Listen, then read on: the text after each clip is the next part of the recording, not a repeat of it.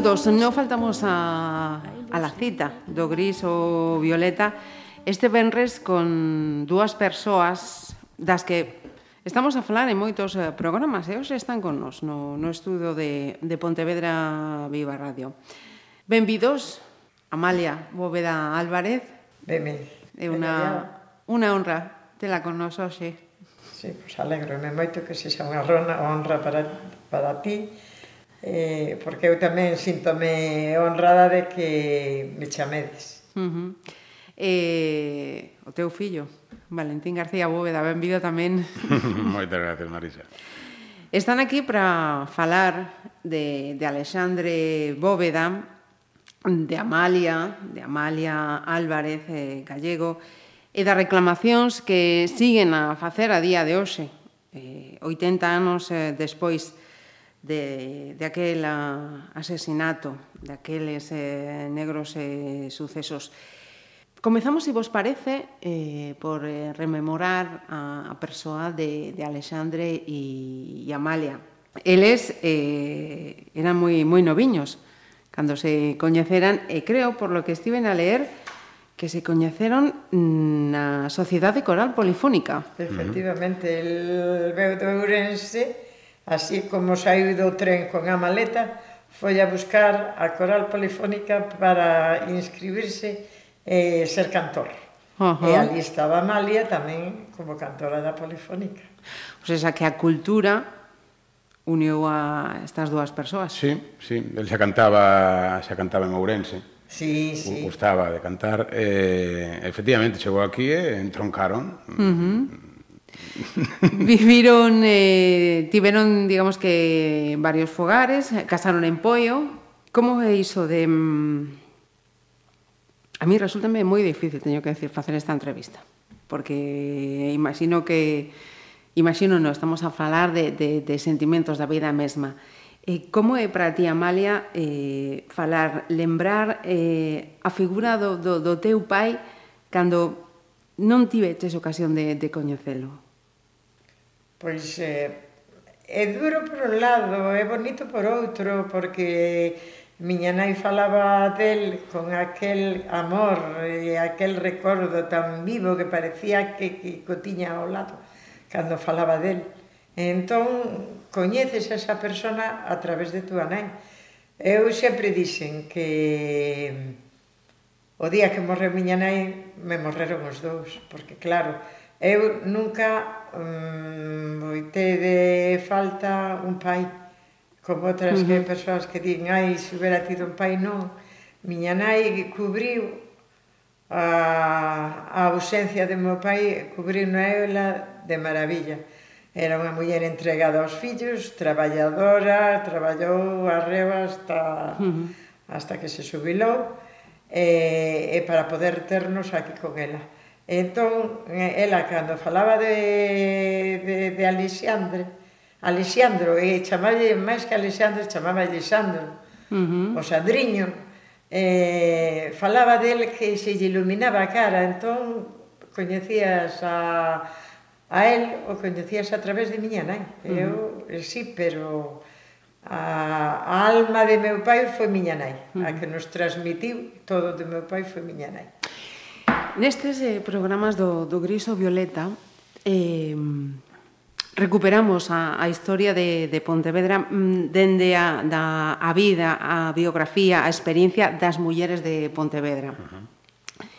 eh, eh, en este caso, eh, quería que, que faláramos eh, dunha desas mulleres da túa nai, que é todo un exemplo de, de, de, de fortaleza, de, de salir adiante, de, de mm, diante de, de, de mm, tantas situacións eh, como, como tuvo que ver a morte do, do seu o asesinato do seu home eh, tamén de un, dous tíos, eh, se si non, se si non teño mal, sí. e dun, dun irmán tamén que tivo que... Sí, que fuxir, fuxir irmán, sí. Eh, estaba alonsada da, das súas fillas, eh, tivo que ser unha, unha muller con... Moi loitadora, porque nos, por exemplo, si o colexio de Orfos nos levaba a Madrid, e ali pagábamos o colexio, e pagábamos unha vez a eh, no verano. Uh -huh. Viñamos a pasarlo a Pollo. E miña nai nunca se desfixo da casa de Pollo porque sabía que aí tomábamos o aire, aí estábamos, pois, mm, máis coidados que, por exemplo, de estar encerrados en as paredes de un colexio. E, entón... Ela, ela o trazaba como símbolo tamén. Sí, na bueno, casa que compraran, claro, que, que alugaran era... entre os dous, eh, na que tiñan plantexado o resto do futuro, Eh, para ela manter a casa. Manter o vínculo. Sí, claro, efectivamente, era manter vínculo, era, era manter incluso a dignidade en certo eido. De, uh -huh. eh, con todo o que ocurriu, na manter. Eh, porque poñer tamén en contexto que, efectivamente, eh, ela non traballaba, seu home, no seu momento, era, no, un, era no. un, un importante político uh -huh. e, un, e un importante, un alto funcionario uh -huh. da Pontevedra daquelas, eh, secretario, partido galista, etc. É dicir, é alguén que non tiña para nada tiña problemas Económico, económicos, no? obviamente, uh -huh. eh, e se ve de repente con cantidad de problemas económicos. Entón, manter esa casa le, le sería, tería sido moitísimo máis sinxelo voltar a Doliva, Oliva, uh -huh. da casa da familia, co pai, con Álvaro Limeses, uh -huh. estarían ali todos, aforrarían, etcétera. Tom... Sen embargo, eh, termina a carreira de magisterio, uh -huh. eh, se pon a, a, a traballar de, de mestra para sacar adiante as súas eh, sí. fillas con ese alonsamento tamén, non? De... Sí, e despois fixo a oposición tamén de Facenda, uh -huh. que tiña o, o mesmo día facer en Madrid mm. ou en Pontevedra, a de maestra e máis a de Facenda. Ela... Mm, dirige, preferiu a de Facenda porque decía que de mestre iba a estar Podería ir a ter en unha aldea. Si era de Facenda, pois que estaríamos pois máis máis con a familia, porque senón uh -huh. teríamos que ir donde a ela mandara. Uh -huh. Vai, non sabíamos onde. E, entón, pois, ela sí. Foi a Madrid, ganou a oposición, mandaron a, o primeiro destino foi Cádiz. Uh -huh. ali tuvo moi boas amistades a quixeron moitísimo. E, e despois cando, cando ela foi a Cádiz a, os fillos os tuvo que repartir. Sí. porque a miña irmán maior de paso que ela iba para Cádiz deixona no colexio xa interna. E despois o seguinte quedou con os tíos e a outra eh, quedou con outros tíos en Padrón. Eu quedei na calle de Oliva con miña avó. Uh eh, -huh.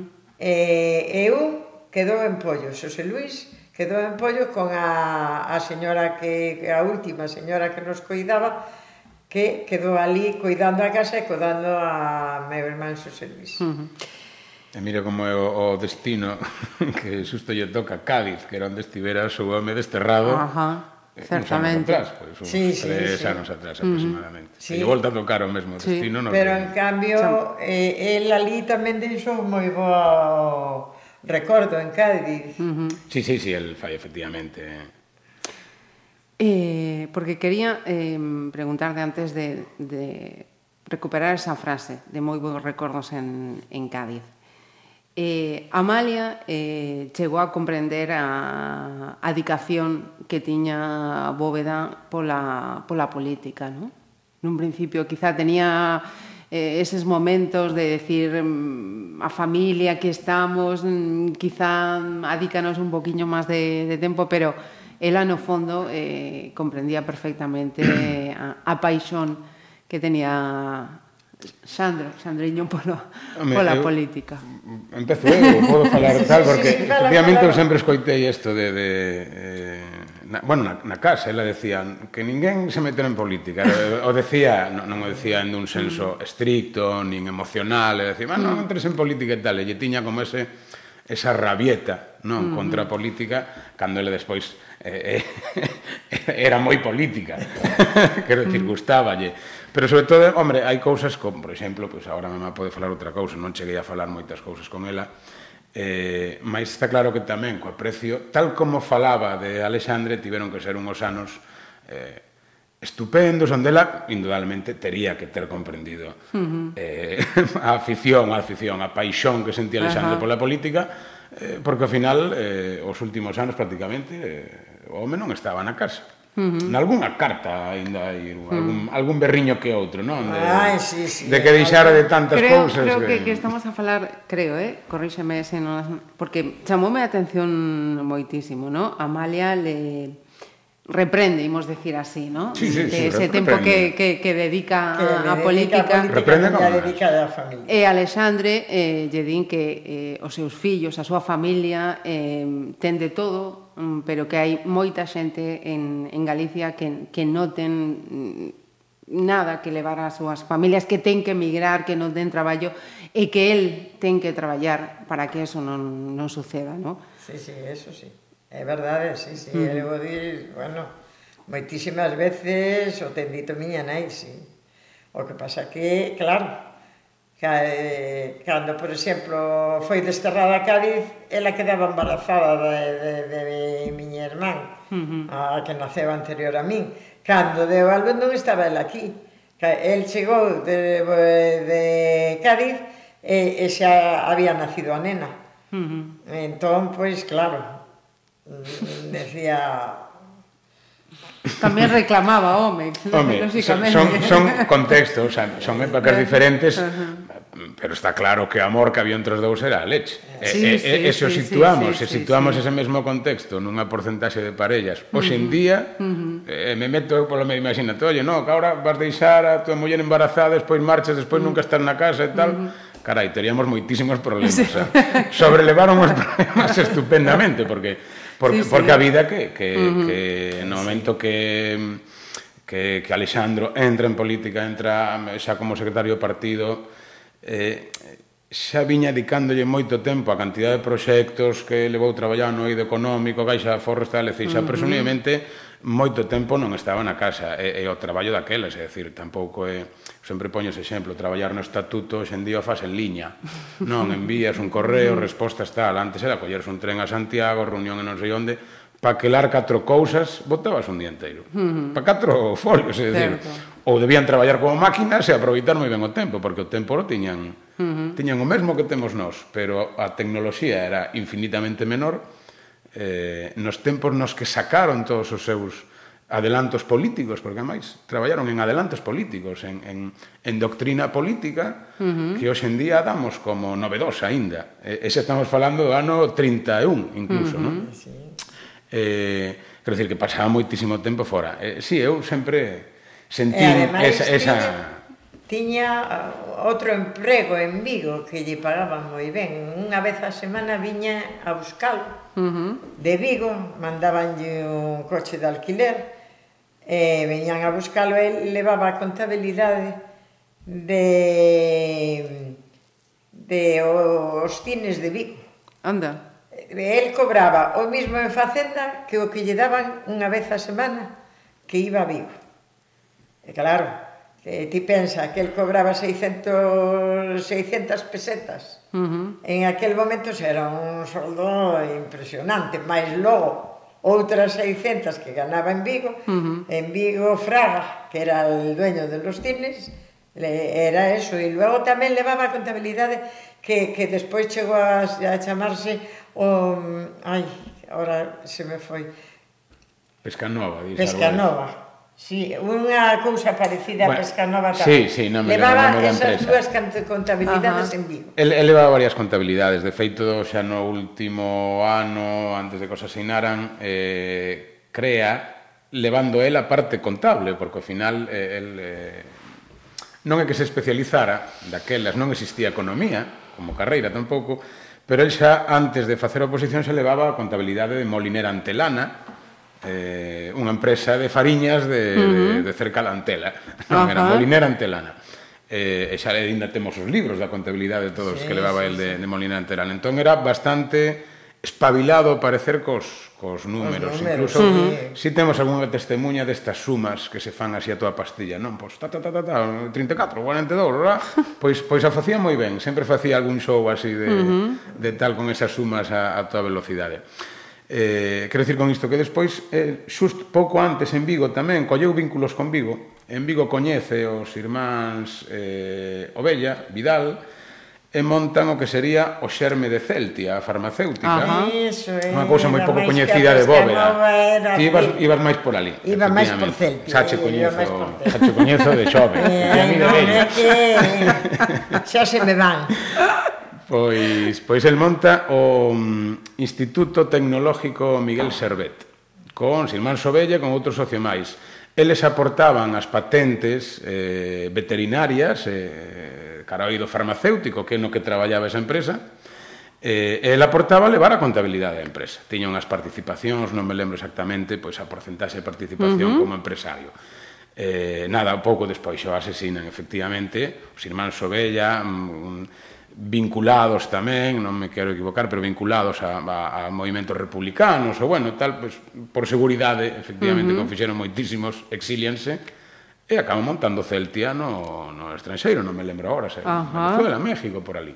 Descoñecía. Sí, sí, é unha historia moi, moi pouco coñecida. Feito que Bóveda ten no, cantidad de facianas... Eso sí que non o coñecía. Bóveda eh. mm. ten moitas facianas que quedan eh, quedan, quedan condensadas, eh, esto si entra no eido familiar que falamos uh -huh. moitas veces, condensa esa bóveda baixo un asasinato injusto. Uh -huh. Que é certo, uh -huh. totalmente certo, verídico, hai em, E, e, eso hai que loitar contra iso. Ahora non podemos condensar o que abrangue a figura eh, solo na morte. Uh -huh. Porque ademais temos ter unha cousa eh, moi en contexto que decía tamén a boa, na que eu concordo sempre, me quedou e, e, e o digo, non? E o digo case yo, como se yo plagio, agora que está de moda. pero, pero efectivamente, decir, a consecuencia da súa morte, decir, desa morte, da detención, dese tipo de suizo, e, e, e, do fusilamento, eh dese asasinato vil, a consecuencia é eh, como viveu Uh -huh. Se tivera vivido outro xeito, sendo funcionario normal de Facenda, sen meterse en rollos, sen querer máis democracia, máis eh, progresividade fiscal, pois seguiría, eh, incluso, podemos decir, seguiría de director da Caixa de Aforros de Pontevedra, uh -huh. que la creou e dirixiu. Sí. Como o Consello de Dirección que entrou iba por outros derroteiros diferentes para os que ela crea, decide presentar a dimisión. Uh -huh. Quero dicir, entón, se fora pois un tío... Mmm, eh, non me sai a verba, pois eh, acomodado, uh -huh. olle, pois se non tivera ese tipo de inquedanzas absurdas que nese ido, por eso decía a baba, entras en, me pasa a min, coa miña propia muller.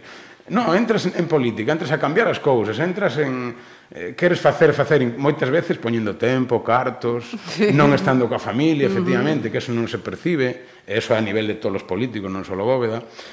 Eh, a consecuencia de todo iso, que era o que lle berraba a Amalia, non? Uh -huh. Oye, nos cambias por tal, efectivamente, esa consecuencia, se querer cambiar para unha sociedade mellor, o levou uh -huh. o asasinato. Uh -huh. eh, todo ese emprendemento, todo eso vai con, con o eido dunha creenza persoal de que algo tiña que, uh -huh. que mudar, ese é un momento idóneo. E, e con un, unha virtude máis, penso, eh, despois do que, do que Lin, eh, podería decir a, a bonomía que, teni, sí, que tiña sí. Alexandre. No? Precisamente ese mm, ser tan boa persona, eh, como dicen, tan boa fe, no? quizá eh, fixo que, que non se dera conta do, do perigo que estaba a correr. Me refiro cando leía iso de eh, ten cuidado, quizá é millor que, que marches, mira que mm, poden apresarte, poden levarche a cárcere, e, sin embargo, el di, mm,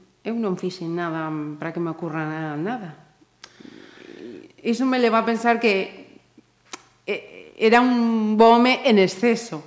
Sí, bueno, a, ademais, mm, claro, mm, bueno, confiado, o, sí, era un bome en exceso. E non porque o digamos nós, ou incluso porque eh, nos leamos a súa vida, non entendamos, porque lees a vida e dixo, oh, este tía que ser un bo home, por narices, non? Uh -huh. Totalmente. Agora, se si nos referimos ás testemunhas e a pegada que deixou a súa personalidade nos diferentes eh, intelectuais que foi coñecendo, uh -huh. que deixaron escrito como era, non? En claro, nosa... esos vos recordos que decías en Cádiz, por exemplo. Hostal, uh -huh. pois, pois eh, tiña que ser, porque ao final deixou marcado a todo aquel que coñecía que iba traballando ben no partido, ben en Facenda, ou ben na Deputación, ou ben traballo que tocaba, e o me coñecía que algún día deixou testemunha e opinou sobre Bóveda, o primeiro que sempre opinou era a súa, eh, incluso, eh, inocencia, pero trazado nun eido de, desa esa inocencia de, de bonomía, de, uh -huh. a veces uh -huh. es tan bo que eres parvo, non? Eh, e non sei se chegaría hasta ali, porque listo era que demostrou. De carai. Tamén. Claro, efectivamente. no, sí. Pero sí, que pode ter que ver co que distí. Ajá. Eh, home, eso foi un, un debate que seguiu no seu da uh -huh. familia sempre, decir, sí, sí. por que fixo, por que non fixo, eu non sei, mamá, había cousas que a min que non falábamos coa boa directamente, uh -huh. non se tocaban. Nai, mm, porque eh, hai un trauma. Saía allí de vez en cuando algo, lógico. pero o levaba dentro. Uh -huh. Ela dixo que o que tiña que iba a morrer con ela. Uh -huh. E a verdade é que moitas cousas morreron. É unha circunstancia que se repite en moitas eh, mulleres que viviron situacións como a, como a de Amalia. Ese silencio, esa parte que queda para min, en, non a eh, comparto ni con fillos, ni con netos, ni con irmáns, é miña e, eh, e de eh, ninguén máis. É, é, tú... é común, ti decías. Uh -huh. Sí, efectivamente. Sí, sí, é común a case todas as víctimas. Eu non sei, eh, eh, ler algo respecto, non me lembro agora os datos, pero pero parecer bastante común como humanos, nos especie uh -huh. temos que crear ese velo, ese tupido velo alrededor de certos traumas eh, eh, sobre todo común nese tipo na represión, quero dicir, ese tipo de externalizar ou exteriorizar o trauma, uh -huh. que ocurre un accidente, o que chingue conta ou tal, pero todo ese tipo de víctimas se deu con toda a mesma causística. Eh, fixanos pasar por un trauma dolorosísimo, E despois a sociedade, ainda por riba, nin lles quería escoitar, ainda, a, a situaba en contra e o poder durante 40 anos a situou incluso como culpables. Uh -huh. Eu, se eu tivera que definir unha estrategia agora mesmo para agochar algo dese poder sobrelevar a vida, le dixía a mesma que elixiron todos eles que Jardalo, non falar diso, eh, eh xa morrerei con iso, pero para poder ser feliz outra vez, para poder sobrelevar a vida, non vivir cun rencor, cun odio que che carcoma, porque uh -huh. nesa sociedade, non sei cantos anos, tal, o tes que meter ali nunha caixa forte e, e claro, despois xa non deixas abrila nunca máis. E, e como se aprende o, o perdón, por exemplo, nunha familia como, como a vosa, como a bóveda? É fácil. É fácil mm, eh, bueno, tens que ter moita forza de voluntad, pero é fácil porque ves a persona, a persoa que máis sufriu, que o leva con entereza, que non lle ten rencor a ninguén, que é máis, sobre todo, mm, despois de ter a carta do meu pai que perdoa a todo o mundo e sempre pidíndolle que se perdoara todo, no, que os nenos eh, críense sin rencor e todo eso, pois eh, ela foi o que nos transmitiu. Uh -huh. Eu en os sectores da vida podo me enfadar con alguén, pero ese rencor podo estar dolida, Unha cousa é dolida, outra cousa é ter rencor e pensar, ai que non lle saian ben as cousas. Eu quero que a todo mundo lle saia ben todo. Ahora, se me fan algunha, doeme. Uh -huh. E digo, carai, por que me fixo isto, por tal. Pero polo demais, eu rancor non lle teño a ninguén. Porque ela me enseñou, eu, ela, eu vivín o, eh, a bondade miña nai. Vivín unha día a día, día a día, día a día, non falaba mal de ninguén. Mal de ninguén. Solamente unha frase que me deixou e que, e que a dicen e que eh, saiu en estas cousas, cando ela salía un día con o velo pola cara porque mm. se levaba na calle de Oliva unha mm. persoa que ela pensou que era amiga escupiuna mm. e ella va a muller de, dese desgraciado mm. Mm-hmm. entón mm, solo dixo esa frase e le di, e dixenlle mamá eh, e se a viras ahora, pois pues a falaría como se si non houbera pasado nada E que frase dixo contra esa señora? Que? Que no, frase no. dixo? Eh, dixo que a perdoaba e que se a tivera diante que a falaría como se non lluvera, como se nunca lle hubiera dito nada. Sí, eu, por exemplo, xa coñecín, claro, unha Amalia aboa, non miña nai, unha Amalia aboa, moito máis aboa, xa nun papel de aboa, efectivamente, non? Claro. Eh, Porque claro, eu tardei por, moitos anos en ter fillos. Eh, no, o, o resto, ao final, é decir, non, non son as mesmas as vivencias, no. ni, nin o tempo no que vos convivistes, que o meu, non? Que, uh -huh. que eu xa nacín en, nesta pseudo-democracia que temos. eh, certo é que ademais pesa moito, a mal era fondamente cristiá, Sí. Alexandra, que non fondamente sucede, cristiana. Que non sucede en todos os casos, non, certamente. Non, é un caso tamén que ten as súas peculiaridades. Uh -huh. De feito, por exemplo, Alexandre, eh, se, eh, cando un pormenoriza nas pegadas do seu traballo, eh, deixa moitas pegadas cristianas, incluso o deseño de política fiscal de Alexandre uh -huh. un, é un deseño de aquelas pensando no estado de agora, no estado de bienestar, non? Este estado de bienestar que ao final eh, dá quen ten máis, en teoría, non? pero aporta quen máis ten para polo menos que poidamos cubrir a quen non ten oportunidades, que non ten nada, a solidariedade, non? Eh, el deseñou a política fiscal absolutamente solidaria. Nese eido, decir, indudablemente, gravando as rendas do capital, quen ten máis, era... De, de, de feito, mira, deseña algo que tamén se fala pouco. Oxe, aproveito para contarche todo. E fas moi ben e alegrome moito.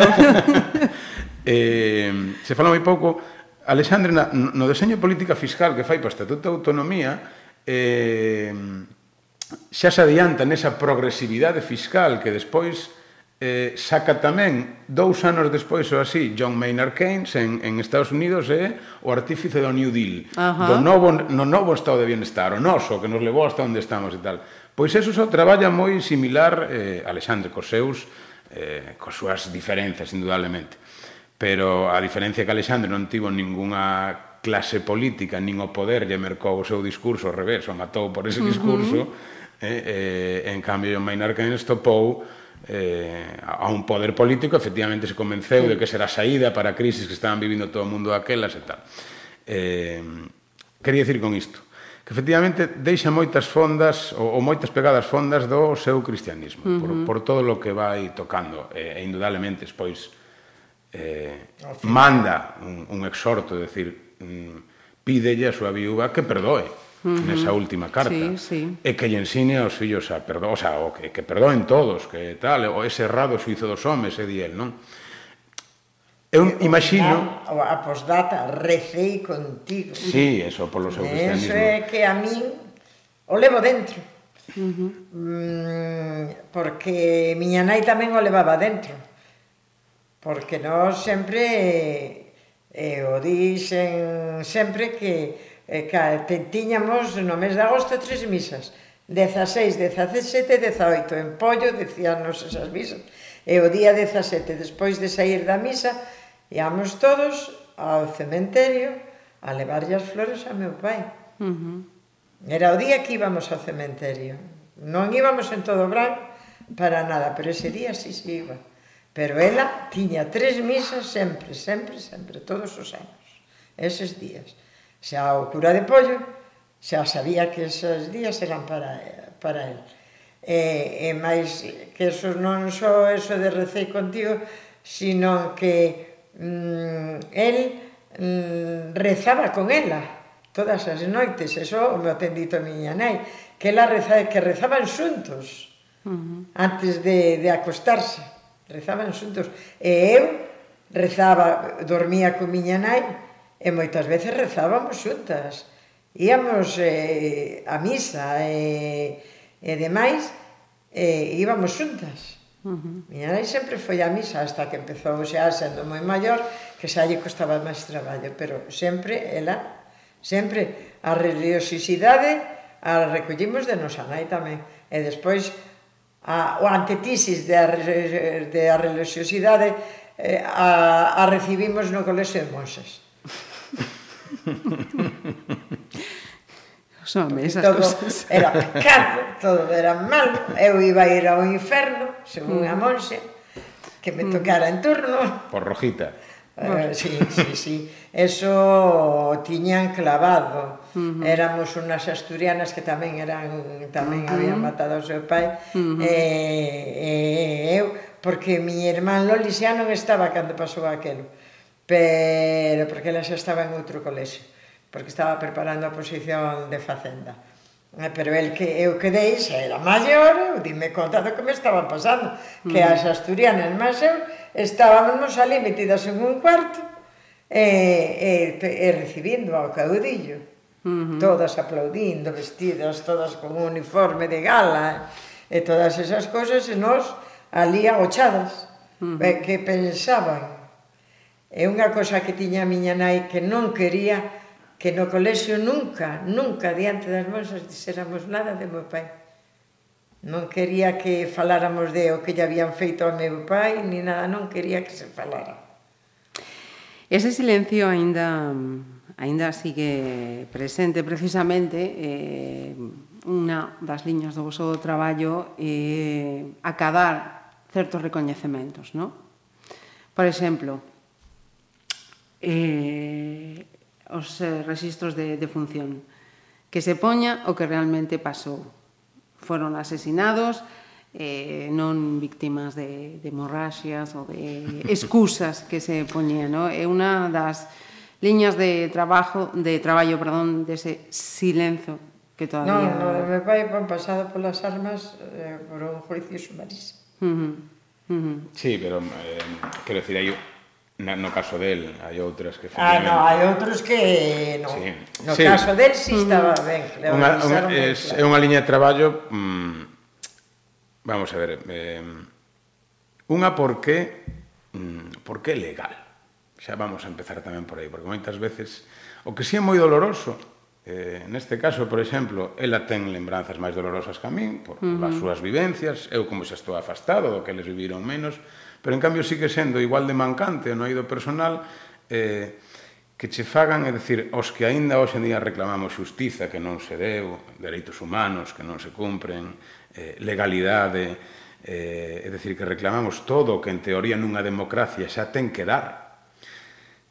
O noso sistema, este, esta democracia herdada dun franquismo no que aínda perviven cantidad de cosas e unha delas é esta, é dicir, aínda nos fan pasar a nós por subversivos Uh -huh. Por xente que ven aquí a reclamar, a malmeter nesta sociedade que xa está todo esquecido. Cando vas, por exemplo, a reclamar efectivamente. No noso caso non, pero te imagínate ser familiar dunha persoa, tes esa sentencia e, e, e que che di que efectivamente morto por hemorragia despois de darlle nun tiro no, no cráneo, non? Ou hemorragia craneal, uh -huh. que las hai tal, o sea, tes que te enfrontar ainda por riba ao, a, a ese silencio dos gobernos actuais que foron pasando todos, todos un tras outros por, por la democracia, uh -huh. eh, los gobernos estatais sobre todo, eh, eh, ao silencio deles e despois a esa sociedade que tamén che di ah, para que removes nesas tonterías e que convén olvidar e ti estás na casa con esa sentencia que ainda por riba imagínate o mancante que é decir, bueno, eh, eh, simplemente a solicitude por favor que me lo cambien e me lo pongan como es eh, non che respostan che respostan tonterías, e falamos da administración. Uh -huh. eh, dan silencio administrativo. Mm, eh, mira, para que fagas unha idea, nos coa petición de institucionalización do día 17 de agosto. Uh -huh. eh? Eh, a enviamos da, dos gobernos locais, eh, deputacións, da administración local, deputacións e, e concellos, eh, enviamos pois, aproximadamente o 90%, andiamos fotocopiando, asinando, registrando uh -huh. para que chegue a cada Concello de Galicia. Nos responderon sete, nove, eh, ahora non teño exactamente as contas. As deputacións, ningunha. E máis, a de Pontevedra, que o ten nomeado como fillo Ajá. adoptivo, sí. e a de Ourense, que o ten nomeado como fillo predilecto. Non nos respostaron a petición dende fai dous anos que, que lle enviamos, por exemplo. Eh, claro que é mancante, porque ao final dice, hombre, se, se se xa, xa é doloroso que teña que vir neste caso pois a fundación ou unha familia ou unha uh -huh. asociación a ter que reclamar o que se salle o propio sistema lle ten que fornecer por dereito, por dereitos, por legalidade, uh -huh. por humanidade, dignidade, non neste estado de bienestar fabuloso, eh, xa che obligan a reclamarlo, ainda por riba. Despois, cando reclamas certas historias, non che contestan, contentasche, ves, bueno, ves as actas dos plenos onde respostan estas uh -huh. unha serie de tonterías, outros dicindo xa están los guerra civilistas, eh, unha absurdez. Eu sempre me plantexo neste caso moitas veces, claro, este tempo e unha dictadura polo medio fixo calar eh, que nós xa non teñamos dereitos fronte aos nosos familiares. Que goberno lle diría agora, imagínate que se funde un pesqueiro, como ocurre por desgraza cantidad de veces, uh -huh. eh, e habría que decirlle, oiga, no, es que como é moi caro bajar 100 metros, eh, eh, tenemos que gastar moito dinero, eh, mucho dinero que este es tal, e, e non vamos a por los cuerpos. Quen se atreve a respostar a unha familia dun barco de pescadores. En cambio, nos nos din, ah, non, non, es que buscar os cuerpos familiares é moi caro. Uh -huh.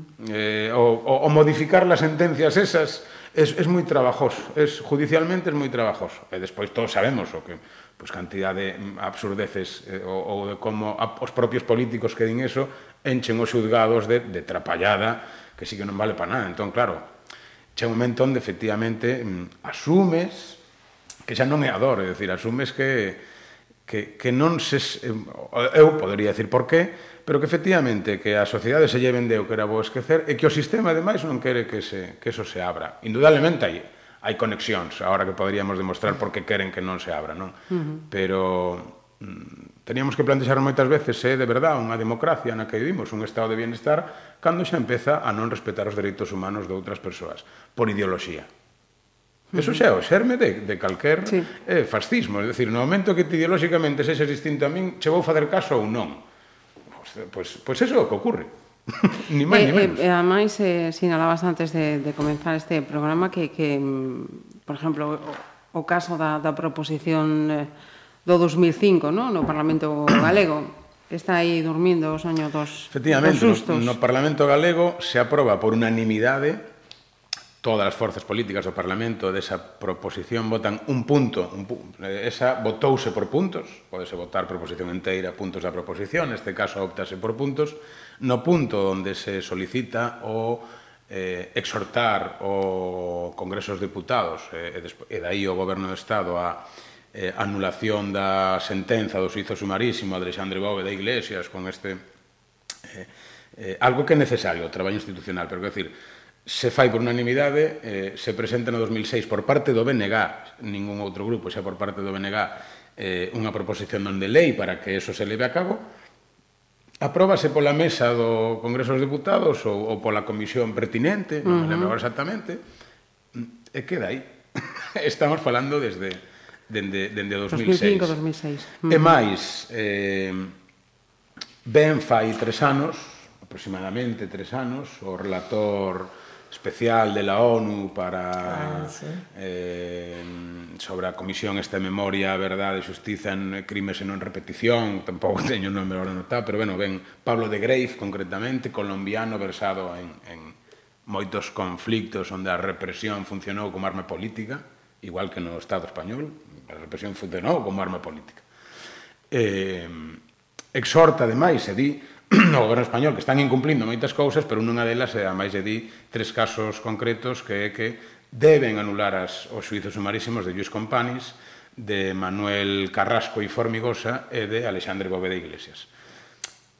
Porque ademais hai eh, moitas veces a nós nos din é un papel, non? É un papel que tes, que máis che dá? Se total é un papel, ti se sabes que era bo home, lo sabes ti.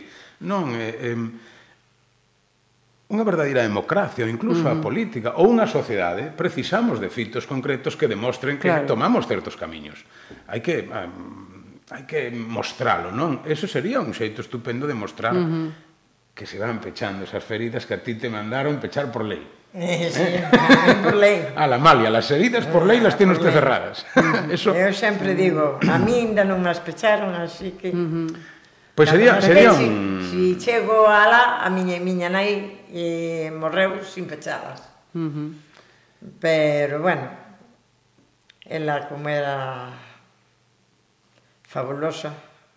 Como a filla, Amalia. No, como a filla. A filla non ten nada, non se parece ningún peliño a súa nai. Como a filla. A verdade, Eu penso que, que sí, Valentín. Parece, parece. Tapalleo. Sí. no, no. Eso e de medo. Sí, hombre, Amalia estaba feita de outra pasta, igual que... Eh, Era moi, du, moi doce, nunca levantaba a voz, sempre tal... Hombre, a vida que lle tocou levar mm, dache templanza, pero eh, eh, aquí tamén, hoxe falamos de Amalia, de Alexandre, pero sempre aproveito tamén, porque eh, mm, e cecais incluso nós, a veces dende a Fundación, facendo autocrítica, eh? eh, xa o fago dende fai un tempo, e incluso o movimento memorístico, podríamos decir así. Eh, cando falamos do 17 de agosto nos centramos demasiado na figura de, de Alexandre Bóveda, que é certo, non é?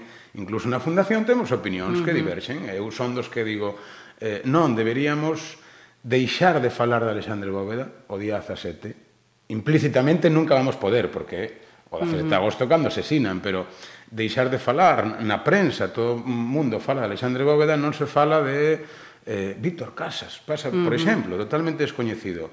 E así ir poñendo nomes un tras outro. Puña este exemplo fai un tempo na Fundación, Eh, imagínate como percibiría a sociedade se o día as letras galegas só estivéramos falando de Rosalía de Castro. Uh -huh. Sería bo para a cultura, para a literatura. Fago ese análise, non? Pois a veces estar sempre falando Alexandre Bóveda parece que aquí Eh, foi Alexandre Bóveda, e eu me movo en círculos moi diversos con xente coa que me criei da miña idade tal que non afonda nestes temas, que son temas bastante eh, superficiais para a sociedade, non? Isto a memoria, efectivamente, non é un tema que chame a moita xente, e notas ese descoñecemento onde moitas veces falando chen, ah, Bóveda, sí, e Castelao que tivo que emigrar, xa non exiliarse, Castelao que tivo que emigrar e, e Bóveda que murió. E parece que foi a represalia que houve en, en Galicia. Uh -huh. Quedamos con esas dúas figuras, E falamos dun dos sitios do Estado español onde máis represalia hai. De aí estas proposicións tamén eh, uh -huh. eh, básicas. E máis, indudablemente nós mm, temos que tentar mm, como sexa, eh, meter na xenda pública eh, este tipo de problemas, porque uh -huh. non sabemos que non está, nin a queren na xenda pública. Uh -huh. O da memoria é unha cousa que ten que ficar tal, pero xa non falamos de memoria, falamos de delitos humanos, e os delitos humanos están persistentemente na xenda pública. Eh, claro que o queremos meter. Co convencimento, ademais, non político, porque nós temos que tratar Os partidos políticos, co fin ao cabo nesta democracia de partidos é quen goberna, cando un chego goberna resposta ante o partido antes que ante a ciudadanía, iso é importante a hora de tecer tamén nosas estrategias. Nesta democracia de partidos te, temos que tratar cos partidos e os intereses, cando nos falamos de memoria e dereitos humanos, os intereses que buscamos un e outro son diferentes. Nós, con este mudar as cousas, queremos cambiar a sociedade, e o partido axudando a cambiar estas cousas cando lle apetece, eh, e, sobre todo os partidos que se negan contra isto, indudablemente, ou partidos BNG, eh, o nacionalismo sempre estivo carón das víctimas, sempre, eso así, os outros partidos, que, bueno, un pasa máis superficialmente, outro está enfrontado a ese tipo de posturas, cando traballan con nós e cando aproban certas cousas, non pensan nunha mudanza social, pensan en que lle axuda a conquerir o poder, porque ese é o fin último do partido. Uh -huh. Igual que o presa de gañar basta, o partido é gañar o poder, non é gañar beneficios sociais, nin que a xente teña máis dereitos. É un medio que se utiliza para manterse ou conquerilo. E, e nos notamos moito, efectivamente. E o notas cando tes que plantexar na xenda pública aos políticos cousas básicas que teríamos que dar por sentado eh, que xa deben existir, pois eh, efectivamente que esta señora, non se atope eh, con que seu pai... Un papel vai, que di que fueron un rebelde. Traidor a la patria. Uh -huh. Ademais, asesinado, a sentencia do suizo é asesinado por traidor a la patria. Eh, e, eso está, e pesa moito, porque moita parte incluso xente Eso, da túa... é de por traidor a la patria es en la sentencia del juicio. Sí, sí, sí. En el Sí, pero na sentenza que é traidor sí, a la patria. Sí, sí. Canta xente da túa xeración che di que, bueno, polo menos eh, lo juzgaron, oye, o lo juzgaron algo haría. Inda ah, dan sí, ese sí, suizo sí, por válido, bueno, hoxe en día, claro. no 2016. Claro. claro, entón, no momento que muden esas cousas, mudarán esas opinións. No momento que manteñamos ese tipo de cousas, manteñen ese tipo de opinións contra os uh -huh. dereitos. Cara 2017, de feito, nos temos tamén activa a petición de institucionalización do día 17 de agosto, uh -huh.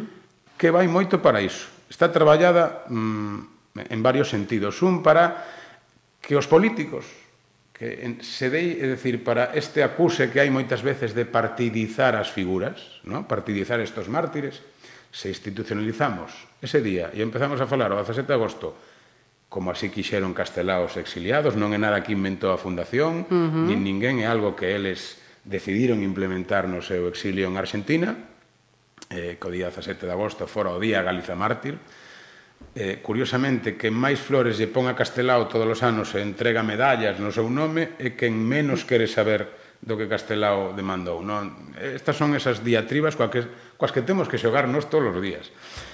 Quero dicir con isto que, efectivamente, institucionalizar ese día faría que fora un día institucional. Xa as víctimas non son ni, ni tu partino, ni del mío, me las eches en cara, andamos con esta tontería todo o día e as familias das víctimas moitas veces saen, a final, quen sae mancada é a víctima, a familia. Uh -huh, Ningún dos outros, efectivamente.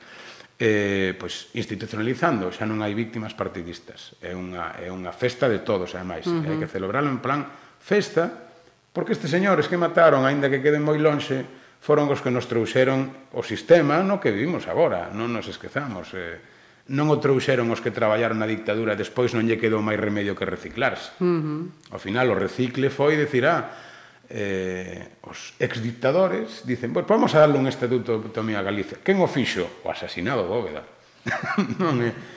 Isto o que temos que poñer en, en valor. E para iso están esas demandas, e para iso esas demandas van dirixidas neste caso a Deputación, a unha administración local que ten competencias suficientes, igual que concellos, goberno, etc., cada unha as súas, eh, de levar a cabo medidas que, aparte, como decía antes, de recuperar nomes e voces, visibilicen que se está traballando pola dignidade, que se están recuperando tamén os dereitos humanos, que recuperemos a unha vítima esquecida, está ben, se non se fai un traballo institucional dicindo que esa víctima estivo esquecida e que a democracia non pois lle ten que, eh, que devolver o que se lle roubou, eh, hasta que non se faga iso, a víctima non eh, pasa do silenciamento ou sube do esquecemento a un nivel que sería o de coñecemento, pero non o de dignificación ou de resarcimento contra o que se lle fixo. Uh -huh. En esa cota temos que chegar o resarcimento da, das víctimas porque os verdugos eh, están resarcidísimos.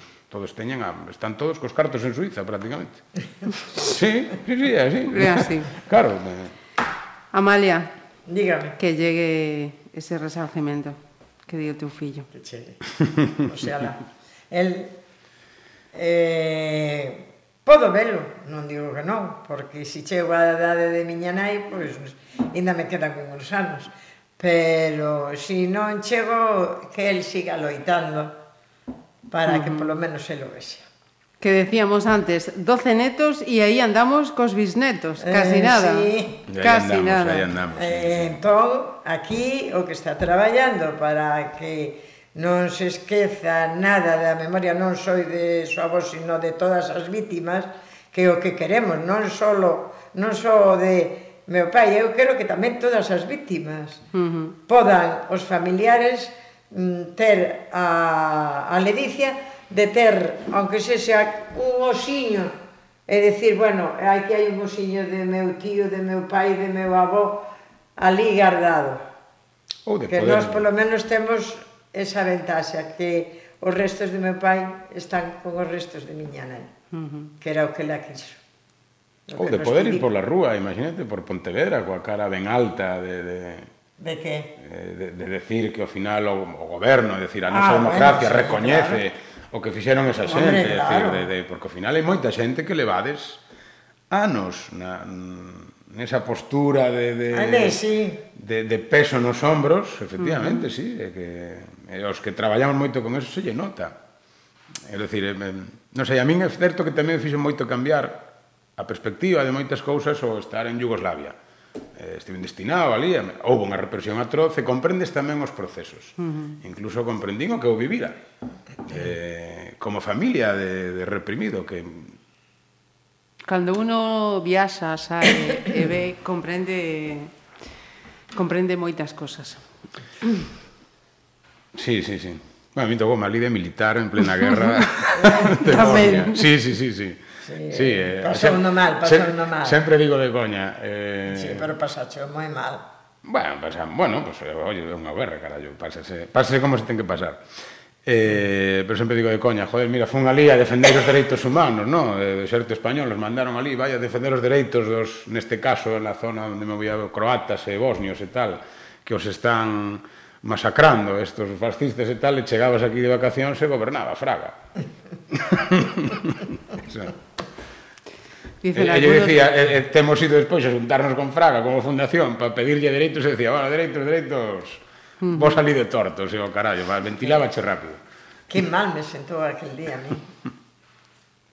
Porque chegamos, eh, ti vine, viña, e... Eh, eu xa non, non subín. Non, non subiche, pero subimos o, te, o tío Xosé Luis Meseu. Eh, entramos ali eh, con el no despacho del e deu a man que parecía de mantequilla Si queres algo con esa persoa que vas a recibir, dalle a man como unha sí, persoa. Sí, sí, pero sí. con a man así como dicindo doucha, pero eh, a ver se si a podo esconder enseguida. Ai, sinto mucho que lles pasou a seu pai. Pois se o sintes fai algo.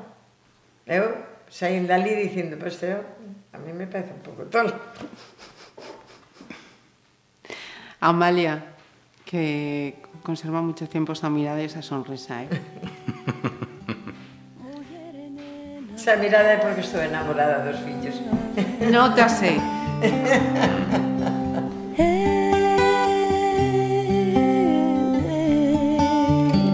Fala de mí.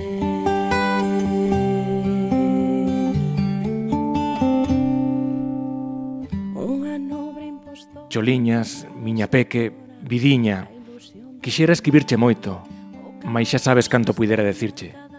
Perdóame todo. Que os peques me lembren sempre, que cumplas todos os meus encargos. Eu, Almiña, estarei sempre con vos como che prometín. Faltan uns minutos e teño valor, por vos, pola terra, por todos. Vou tranquilo. Adeus, vidiña. Vive para os peques e os vellos. Abrázaos, confórtaos. Se ti, miña pequeniña admirable, a máis valente de todos. Alá sentirei ledicia e satisfacción de ti e de todos. Lembrarei vos sempre velarei sempre por vos. Adeus. Contigo, cos peques, cos vellos todos, estará sempre na lembranza, na máis grande, máis fonda, máis infinita das apertas, o voso xandro. Posdata, recei contigo.